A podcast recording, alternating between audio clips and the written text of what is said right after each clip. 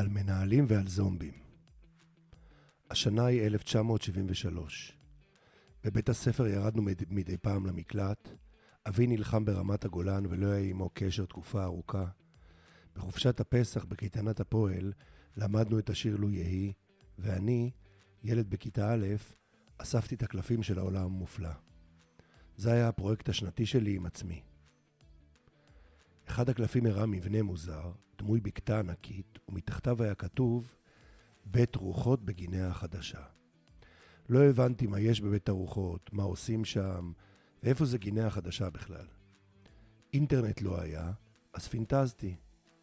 בינתיים חלפו השנים, בית ספר, רשגדות בצופים, צבא, קורס מפקדי פלוגות, לבנון, טיול ארוך למזרח, תחילת לימודי פסיכולוגיה, עבודה כברמן וחיים על הקצה.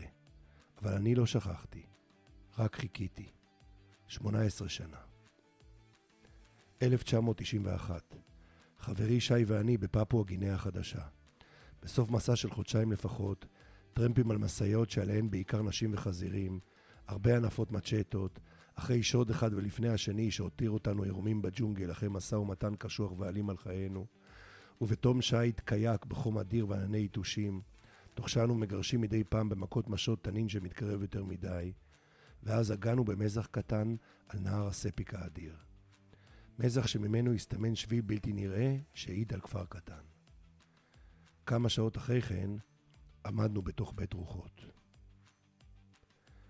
אין תרבות או דת אנושית שלא היו בה יסודות שמניסטיים, שכללו פרקטיקות לקשר עם ישויות מן העולם שמעבר.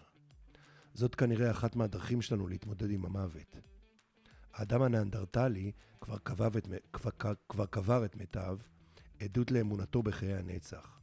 הוא גם הטמין בקבר חפצים שימושיים לחיים שאחרי. ומכל הישויות הטרנסצנדנטיות, המטרידות ביותר הן אלו שלא מצאו את מקומם. על פי הקבלה היהודית למשל, ישנן רוחות שלא נכנסו לגן עדן, וגם לא נידונו לגיהנום. הן נעות בעולם בחיפוש אחר תיקון. כשאדם נפטר, הוא לא נעלם מחיינו. הדיאלוג הוא ממשיך, כמו גם השפעתה עלינו, ולעיתים השפעה זו אף גוברת אחרי המוות. כך גם בארגונים. ישנן דמויות שרוחן ממשיכה להשפיע ולעצב את הארגון, גם ברמת המדינה וגם בארגון כלכלי. קחו את בגין, הרב קוק או סטיב ג'ובס כמשל. אדם שנעלם מהארגון אינו נגוז מהיקום. הייצוג הפנימי שלו ממשיך לנכוח כל העת ולהתערב בדינמיקה הפנימית. וזה נכון לא פחות עם מי שפוטר. פיטורים נחשבים לדילמה המוסרית הקשה ביותר למנהלים. ישנם עדויות של מנהלים רבים שחוו את הקשיים במעשה הפיטורין ואת דמות המפוטר גם שנים לאחר מכן, שכבר היו בפנסיה. אחרים דיברו על כך שדמות מפוטר מסוימת פוקדת אותם אפילו בחלומותיהם. חוסר הנכונות של המנהל להתמודד עם מעשה הפיטורין מביא לכך שאנשים רבים ממשיכים לעבוד בארגונים, למרות שלא היו צריכים להיות שם. עד שמגיעה שעת כושר עבור המנהל לחסוך קצת מאי הנעימות. מתי? ניחשתם, כשיש מיתון.